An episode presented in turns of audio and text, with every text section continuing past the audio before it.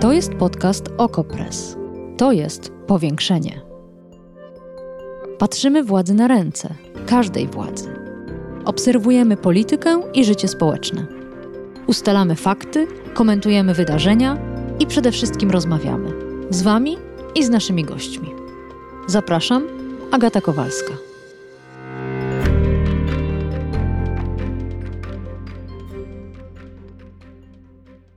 Polski Ład to program budowy Polski uczciwej, sprawiedliwej i dynamicznie się rozwijającej. W kieszeniach Polaków zostanie 16,5 miliarda złotych. Tak zachwalał swój projekt premier Mateusz Morawiecki. A teraz go odwołał. Nie będzie Polskiego Ładu. Będzie za to tarcza i to antyputinowska. Ją też premier Morawiecki zachwalał. Ale nie uściślił, czy Polska pod auspicjami tarczy antyputinowskiej też będzie uczciwa i sprawiedliwa. Przyglądając się szczegółom, można nabrać wątpliwości. Albo podejrzewać, że Polski Ład nie wzmacniał należycie państwa i społeczeństwa i dlatego rząd postanowił swój flagowy projekt zlikwidować. Lub też, mówiąc po młodzieżowemu, skancelować. Bo nie tylko znikają podstawowe założenia tamtej wielkiej reformy podatkowej, znika nawet nazwa. Na konferencjach, w wywiadach, publicznie premier i jego urzędnicy nie używają nazwy Polski Ład. Mówią tamte rozwiązania. Co nas zatem czeka? Co zawarto w projekcie? Szczegóły omówimy dzisiaj w powiększeniu. Ale jednocześnie zastanowimy się, czy państwo, w którym władza centralna obniża podatki, może być jednocześnie silne i gotowe na kryzysy wywołane przez wojnę Putina. O tym także w dzisiejszym odcinku.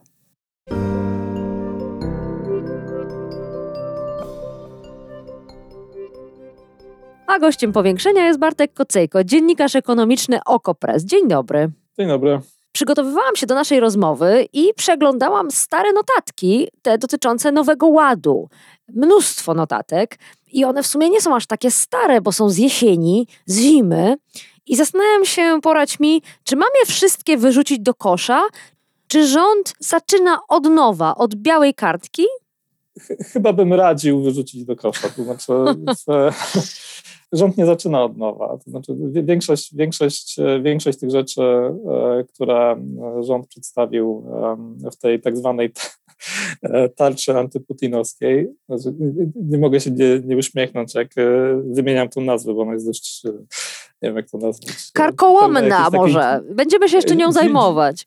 Pewne pe, pe, dziwnej fanfaronady, mm. ale, e, ale w każdym razie jak rząd przedstawił tą tarczę antyputinowską, no to ona rzeczywiście, znaczy ona jest oparta na, na tej wielkiej ustawie podatkowej, którą, która zaczęła obowiązywać od 1 stycznia 2022 roku. No ale są tam tak istotne zmiany i prawdopodobnie te zmiany będą jakby postępować, to znaczy mamy teraz etap konsultacji, chociaż to może za dużo powiedziane, bo on się kończy za chwilę. Potem będą się pojawiać tam różne zmiany w tej ustawie, więc sądzę, że, że najlepiej po prostu będzie patrzeć na to, co rząd ostatecznie przygotuje, to znaczy mm-hmm. jakby finalną wersję, która zostanie podpisana przez prezydenta i, i, i ma zacząć obowiązywać od 1 lipca 2022 e, roku.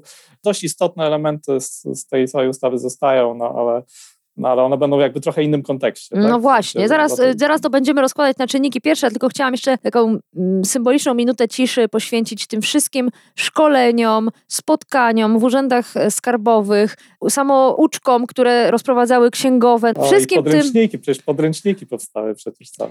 Grube podręczniki do Polskiego Ładu. No właśnie, to chciałabym, żebyśmy wszyscy oddali cześć temu czasowi, energii wyrzuconej, tym nerwom, bo jak rozumiem, e, teraz zaczynamy od nowa i pewnie trzeba będzie pisać nowe nowe podręczniki. A może nie, bo może nowa propozycja jest dużo, dużo prostsza i mniej y, złożona. Zacznijmy od y, tego, co wiemy, bo rząd przedstawił rzeczywiście projekt. To nie były tylko slajdy z konferencji i teraz trwają tygodniowe konsultacje, więc uznajmy tę rozmowę za część tych konsultacji. Co wiem, jeśli chodzi o pomysł?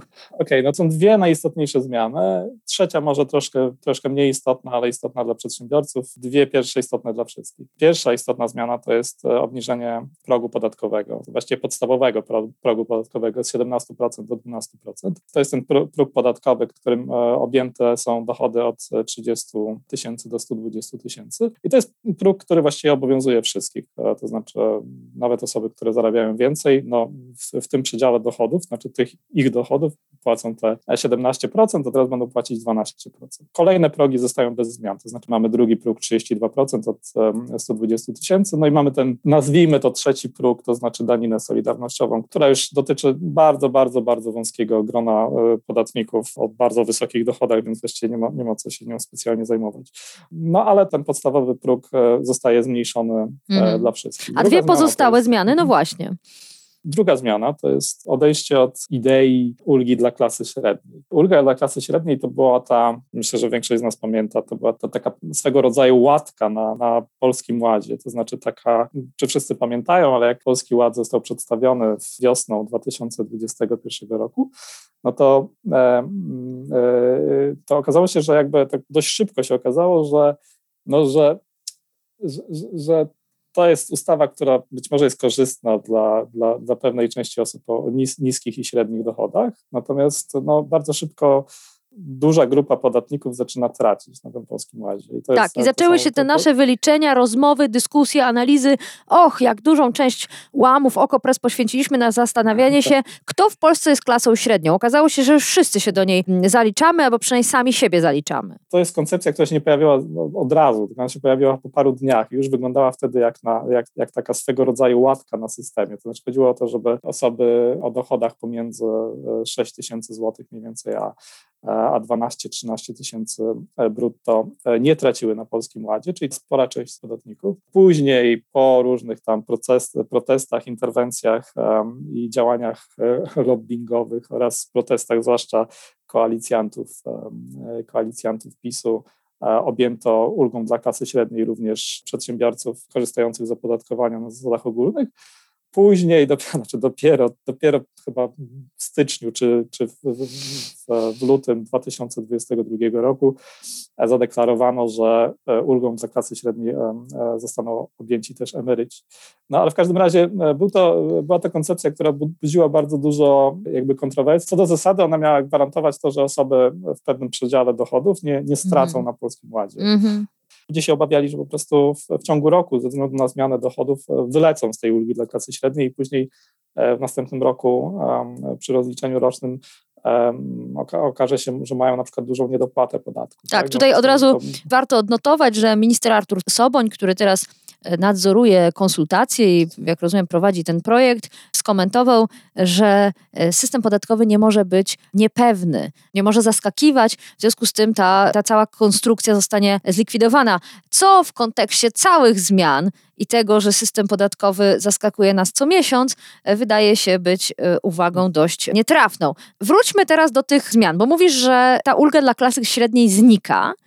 Co mhm. jeszcze? Bo mówiłeś o trzech filarach. Tak, no trze trzecia rzecz jest być może jakby najmniej istotna, ale, ale jakby warto ją odnotować. To jest, to jest to, że zmienia się sposób liczenia składki zdrowotnej dla części przedsiębiorców, to znaczy tych, którzy skorzystają z opodatkowania liniowego, PIT 36L, opodatkowania e, ryczałtem ewidencjonowanym, to jest e, PIT 28, jeśli dobrze pamiętam, i karty podatkowej. No i ci, ci podatnicy będą mogli odliczyć składkę zdrowotną od podstawy opodatkowania. Czy ta zmiana dotycząca składki zdrowotnej oznacza, że budżet sporo straci? No bo dopiero co usłyszeliśmy, że składki zdrowotnej nie będzie można odliczać od podatku. Teraz przynajmniej mhm. częściowo będzie można. Czyli tutaj rząd poświęca część swoich y, dochodów, tak? E, no, no tak jest. To znaczy część podatników będzie mogła odliczyć, um, odliczyć tą składkę. Hmm. To zaraz będziemy się zastanawiać, dlaczego... To, to, nie y, dla... będzie aż, ta, aż tak mhm. duża zmiana. To znaczy chodzi mi o to, że to jakby w, to, jeśli chodzi o liniowców i tych ryczałtowców, to nie, nie powinno być aż tak w sensie fiskalnym i tak dalej, to nie powinno być mhm. dużo.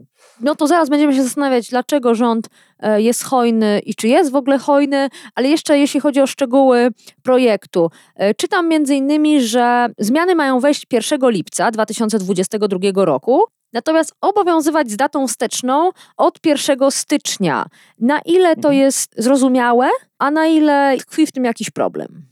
Tutaj rząd jest, jest w takiej sytuacji, w której zmian, znaczy zasadniczo nie powinno się zmieniać oczywiście prawa podatkowego w ciągu roku. Nie? W sensie to jest dość, dość oczywista rzecz. On to robi kolejny raz w zasadzie. I ta deklaracja, że te przepisy obowiązujące od lipca wchodzące od lipca będą obowiązywać z datą wsteczną. To jest jakby naturalna konsekwencja tego. To znaczy, gdyby tak nie było, to, no to podatnicy mogliby z powodzeniem zupełnie zaskarżyć państwa. No, nie, nie można zmieniać prawa podatkowego w ciągu roku, jest to bodaj konstytucyjna nawet zasada. Więc w praktyce to oznacza tyle, że osoby, które które teraz z różnych powodów, na przykład miały, no nie wiem, osoby zarabiające powiedzmy, no, no, no nie wiem, no powyżej średniej krajowej, które z różnych powodów płaciły teraz wyższy podatek w, wyniku Polskiego Ładu, no prawdopodobnie dostaną zwrot w rozliczeniu podatkowym -hmm. wiosną w przyszłym roku. -hmm. wczesną, wczesną, wczesną wiosną. Tu rząd Więc... się też e, broni, że to są zmiany na korzyść podatnika, w związku z tym ta zasada konstytucyjna zakazująca takich nagłych zmian nie obowiązuje, no bo po prostu tutaj wszyscy wszyscy zyskamy. Aczkolwiek, aczkolwiek no Soboń, minister Soboń również deklaruje, że a nie wiadomo, bo tam niby wszyscy zyskamy, ale być zawsze się może zdarzyć taka sytuacja, że ktoś tam nie zyska i tak dalej, więc jakby robi sobie taką niewielką furtkę, że to, że to nigdy nie wiadomo. No, ale no, to, jest tak, że... To dobrze, że, że ten sam pan minister zapewnia, że system podatkowy powinien być przewidywalny i godny zaufania. Zaraz się zastanowimy, kto zyska, a kto straci, ale jeszcze wróćmy do samej nazwy. Śmiałeś mhm. się już na wstępie, uprzedzając mhm. moje śmianie się z tej tarczy antyputinowej, antyputinowskiej. Aha. Ile prawdy jest w tej nazwie? Innymi słowy, na co odpowiedzią jest ten pomysł w deklaracjach rządu, a na co Twoim zdaniem jest tak naprawdę Aha. odpowiedzią? W deklaracjach rządu to jest taka opowieść o tym, że, że w związku z konsekwencjami tej sytuacji międzynarodowej, to znaczy sankcjami, które, które wpływają siłą rzeczy na ceny energii, na inflację, no bo bez wątpienia ta napaść Rosji na Ukrainę jakby była takim szokiem zewnętrznym dla, dla gospodarek europejskich, no to to będziemy jakby to odczuwać. To znaczy, że jakby prognozy inflacji oczywiście wzrosły. Trzeba się z, z, obywatelami podzielić, zostawić obywatelom trochę więcej pieniędzy w portfelach. W związku z tym jakby idea jest taka, że, że, że trochę chronimy obywateli przed, przed skutkami powiedzmy drożyzny, która nieuchronnie nastąpi, zwłaszcza jeśli chodzi o ceny energii, ceny paliw i tak dalej. Mm no i, taka jest, deklaracja. Jest, taka, jest, mm -hmm. taka jest deklaracja. Natomiast no, tutaj jakby no, to jest taka no, no to, to, jest, to jest delikatnie mówiąc bałamutna opowieść. W istocie jest tak, że państwo polskie staje przed bardzo dużymi wyzwaniami, które właściwie są trochę nieprzewidywalne. Nie wiemy, co się wydarzy w tym konflikcie, który zaczął się w, w lutym. Nie, nie, nie, wiemy, jakie będą konsekwencje, jeśli chodzi o, możemy tylko prognozować, tak? ale, ale jest bardzo dużo zmiennych, których, których nie znamy. Nie wiemy, czy będzie embargo na przykład na energetykę. Może będzie i może, może to będzie bardzo duży koszt dla społeczeństwa i nie wiemy, jaka będzie liczba uchodźców ostatecznie, tak? bo nie wiemy, jak ta wojna będzie się toczyć. Na razie mamy ponad 2 miliony osób, które przekroczyły granicę polsko-ukraińską, no ale, mm, ale ostatecznie ta, ta, liczba może być dużo większa i wtedy wyzwanie dla polskiego państwa będzie znacznie, e, znacznie większe. Ale w, w tym momencie, kiedy mamy tak dużo, tak dużo niepewnych scenariuszy, groźnych scenariuszy, znaczy takich, taki, które są po prostu dużym wyzwaniem, to nasz rząd radośnie osłabia możliwości finansowe państwa. I to jest i to jest coś, co jest moim zdaniem, znaczy ja się śmiałem z tej tarczy antyputinowskiej, ale to jest w istocie bardzo, bardzo groźne. Ale zaraz, jest, zaraz, bo ty teraz przeszedłeś do skutków. Bo wiedziałeś o tym, dlaczego rząd w swych deklaracjach zmienia system podatkowy. Powiedziałeś, hmm. że to po prostu jest niebezpieczny hmm. scenariusz, ale, ale, ale, hmm. dlaczego w takim razie tak naprawdę rząd wycofuje się z Nowego Ładu. Z jakiego powodu projekt, pod którym podpisał się sam pan premier, który z wielką dumą i licznymi hashtagami oraz kilkoma nazwami, które się zmieniały w trakcie, odpalono, teraz nagle Aha. jest wstydliwie zakopywany. Dlaczego? No bo się zakończył, krótko mówiąc, spektakularnym fakapem. To znaczy w, w jakby styczeń, e, styczeń 2020 roku, no to 2022 roku, no to był, to był, to był dla rządu właściwie jakby zupełny koszmar. To znaczy e, właściwie e, niemal każdy dzień przynosił jakieś jakby informacje o tym, że, że że coś z tym polskim ładem nie działa. Zaczęło się od nauczycieli i, i służb mundurowych, e, które to są te grupy, które dostają, dostają po prostu pensję na początku miesiąca nie? Z, z, z wyprzedzeniem. I się okazało, że, że nie wszyscy dostali tyle, ile powinni. Później się okazało, że są kolejne, kolejne e, jakby mm, kolejne osoby dostawały wypłaty i okazywało się, że, że, że nie dostają tyle, ile, ile mieli dostawać według deklaracji rządu. E, no, takim najbardziej, dwa chyba najbardziej, najbardziej spektakularne przypadki to są, to są osoby, które, e, pierwsze to są osoby, które e, samodzielni rodzice, którzy E, którzy stracili na Polskim Ładzie w wyniku e, jakiejś takiej kuriozalnej poprawki, która tam przeszła we wrześniu e, poprzedniego roku na temat, na temat wspólnego opodatkowania. No, zlikwidowano pewien, pewną zasadę, która obowiązywała również samodzielnych rodziców. Ci samodzielni rodzice na tym stracili. I rząd najpierw wszedł w zaparte, że to jest wszystko ok i tak dalej. Później się okazało, że, że jednak się z tego wycofuje. A no, druga, druga grupa to były osoby, które na, na przykład osoby, które, które były zatrudnione na, na zleceniach i, a, i to są często osoby, które mają niskie dochody.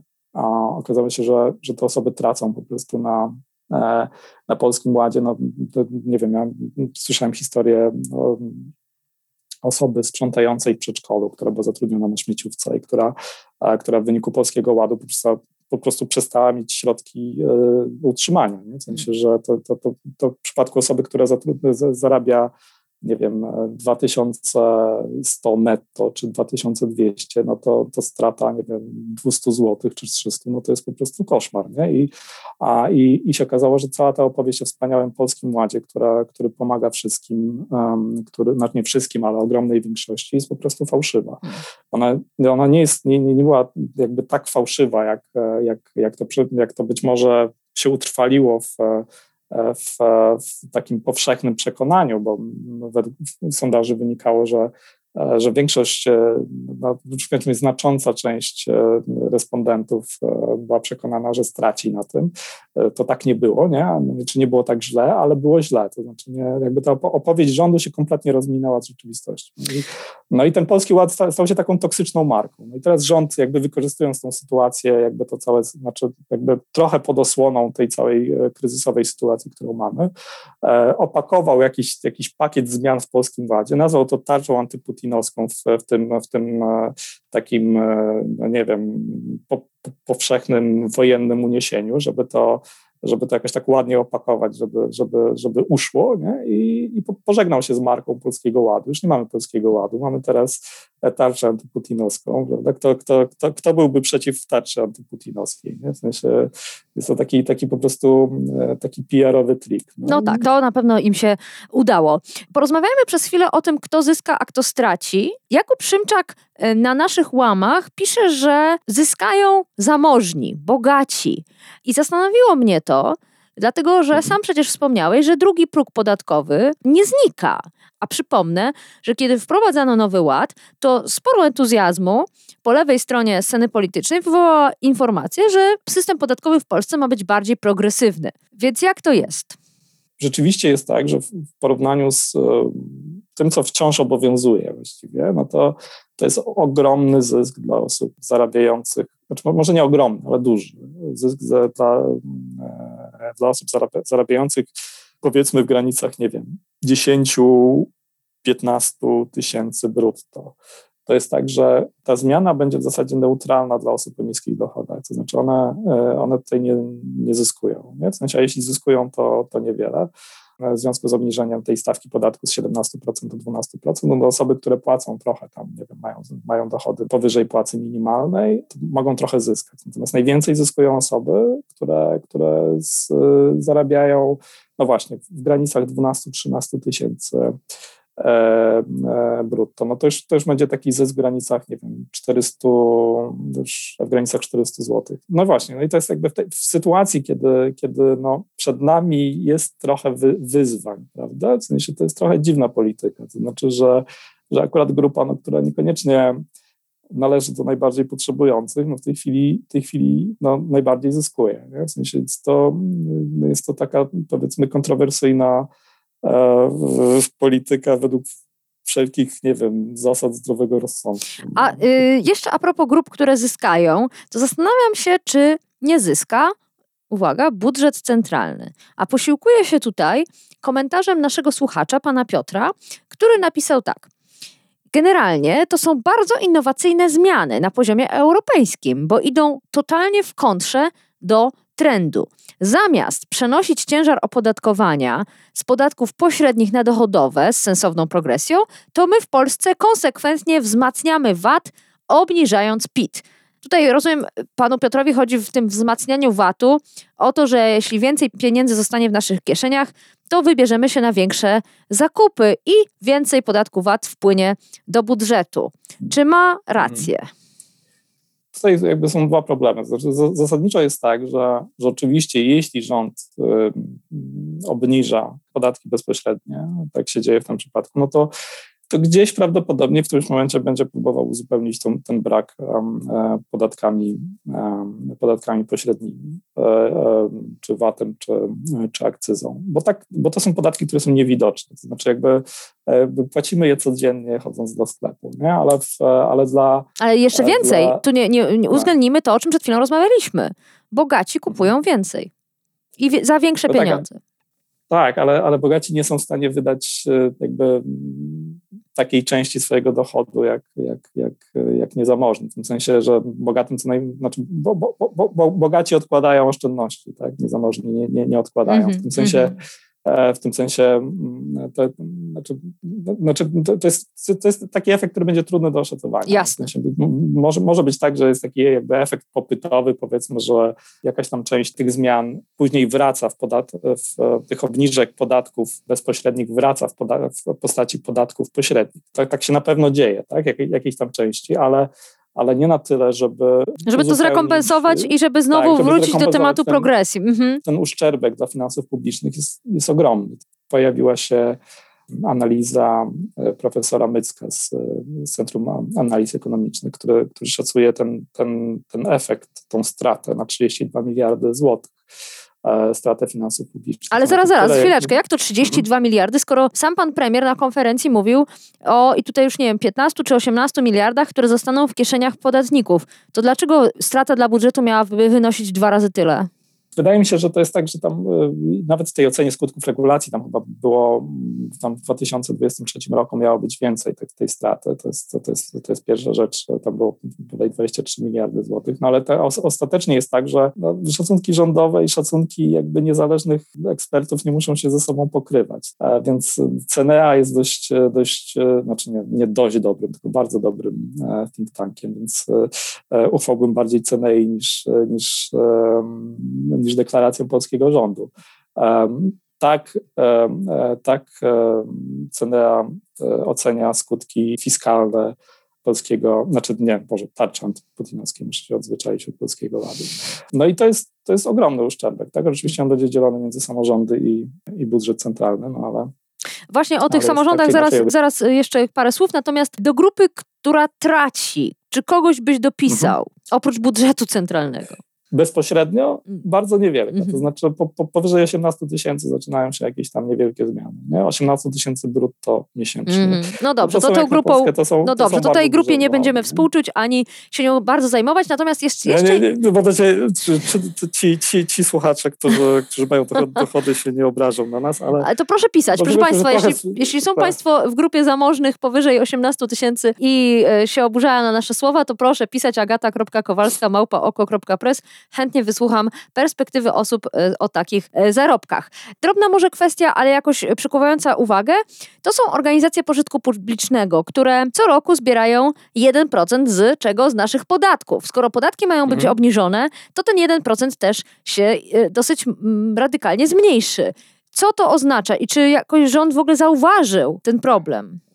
Rząd deklaruje, że w tych tym rozliczeniu przyszłorocznym. To znaczy, jak, jak organizacje pożytku publicznego będą zbierać pieniądze, powiedzmy w, w, w marcu, kwietniu a, e, przyszłego roku, tak jak teraz to robią, e, to to w razie strat uzupełni tą zmianę, to znaczy, znaczy że e, tą stratę, to znaczy, że, że te organizacje nie, nie będą mieć mniej niż w tym roku, niż w rozliczeniu tegorocznym. Czy tym deklaracjom rządu można ufać? No nie wiem, w sensie jakby no to już jakby zależy od, że tak powiem, naszych indywidualnych, indywidualnego poziomu zaufania do rządu, mhm. ale, no ale zasadniczo taka jest deklaracja. Natomiast w takiej dłuższej perspektywie, no to, to oczywiście jest tak, że organizacje pożytku publicznego, które, zwłaszcza te, które Twoje dochody opierają na, na jednym procencie od osób średnio zamożnych lub niezamożnych. Wydaje mi się, że tak, tak jest zwłaszcza w przypadku, e, w przypadku organizacji pełnosprawnościowych, bo to jest takie środowisko,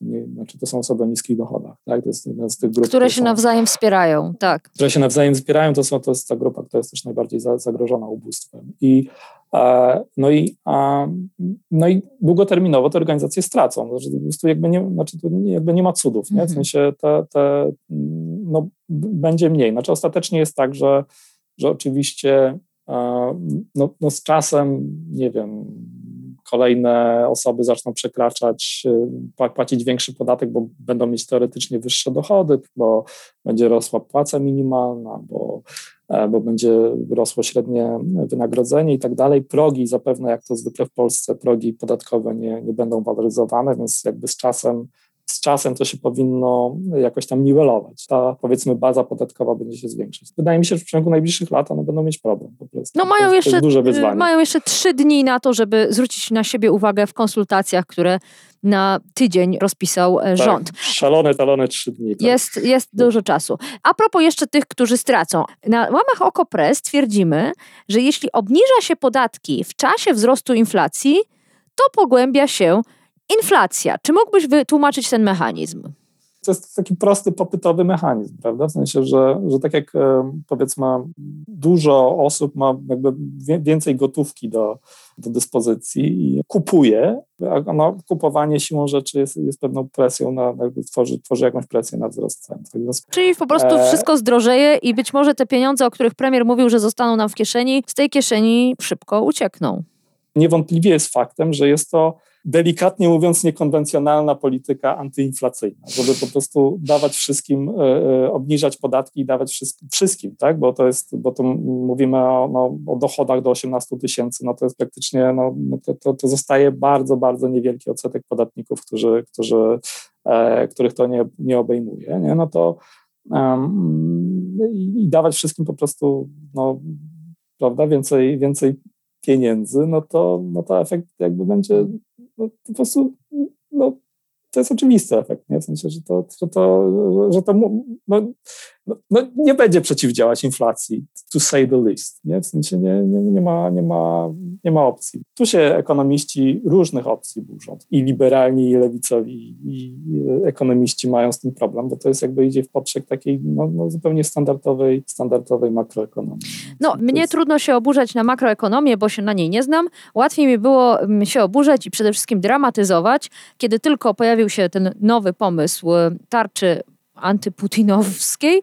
Dramatyzowałam bowiem, że PiS likwiduje usługi publiczne, zwłaszcza te świadczone przez samorządy. Ale, ale zaraz potem odezwało się do mnie, oczywiście na Twitterze, bo gdzieżby indziej, Ministerstwo Finansów i uspokajało, że tu cytuję, jednostki samorządu terytorialnego otrzymają rekompensatę polegającą na zwiększeniu subwencji rozwojowej lub uzupełnieniu subwencji ogólnej.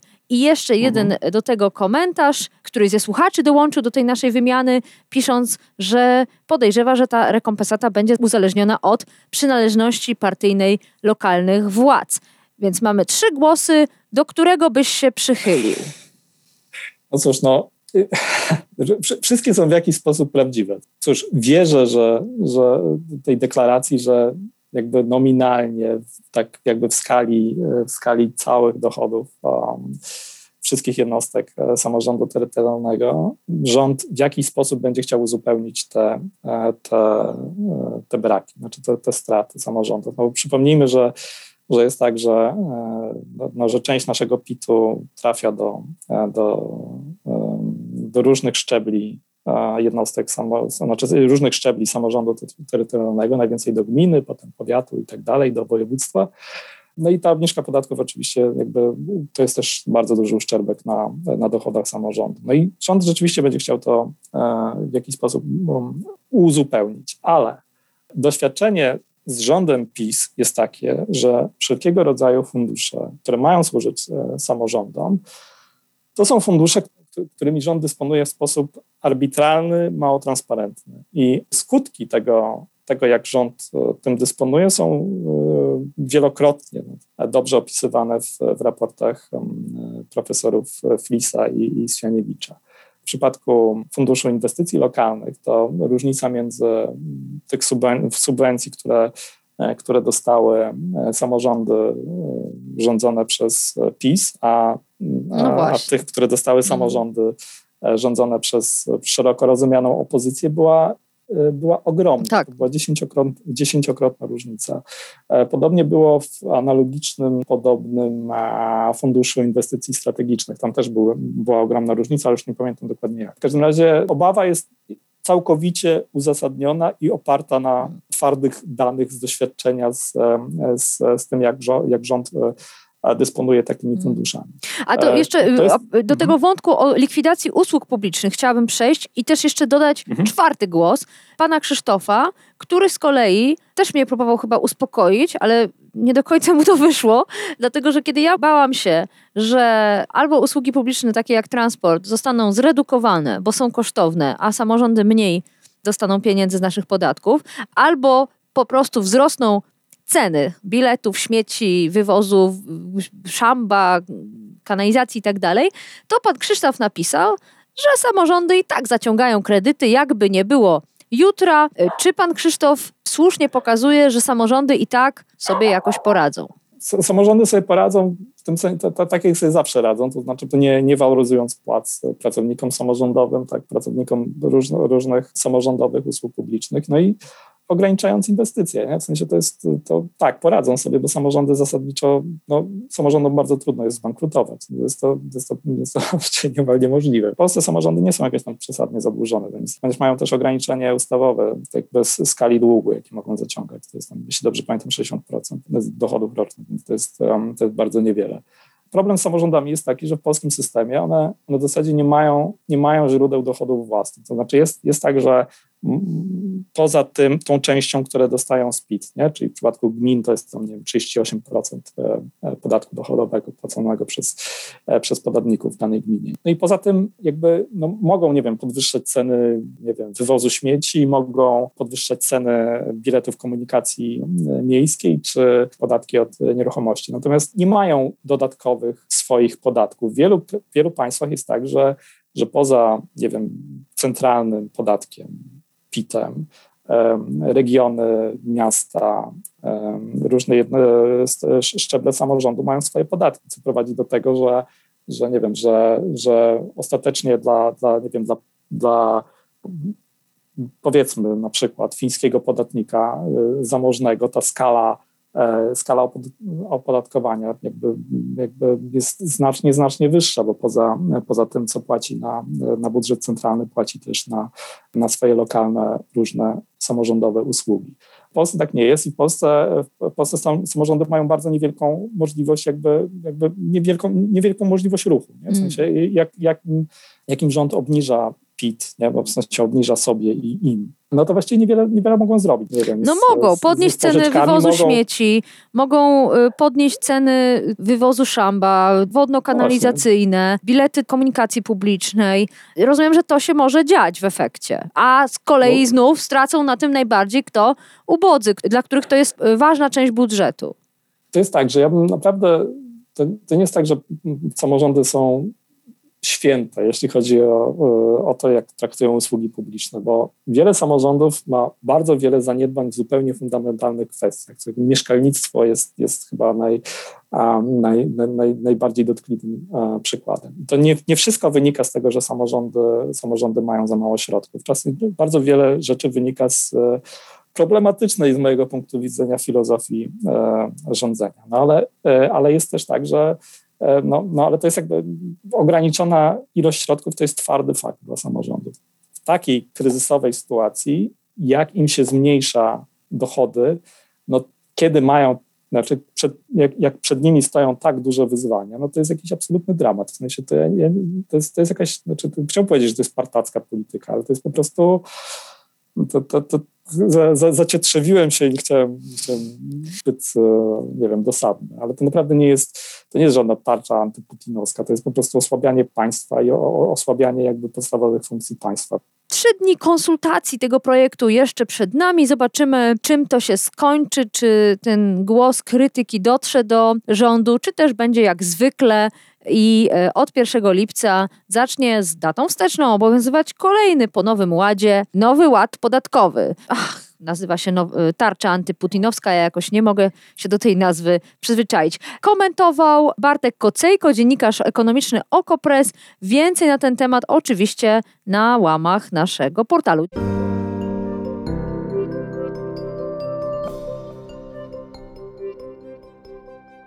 Na dzisiaj w powiększeniu to wszystko, ale do tematu tarczy antyputinowskiej na pewno będę wracać, choćby po to, żeby utrwalić sobie tę nazwę.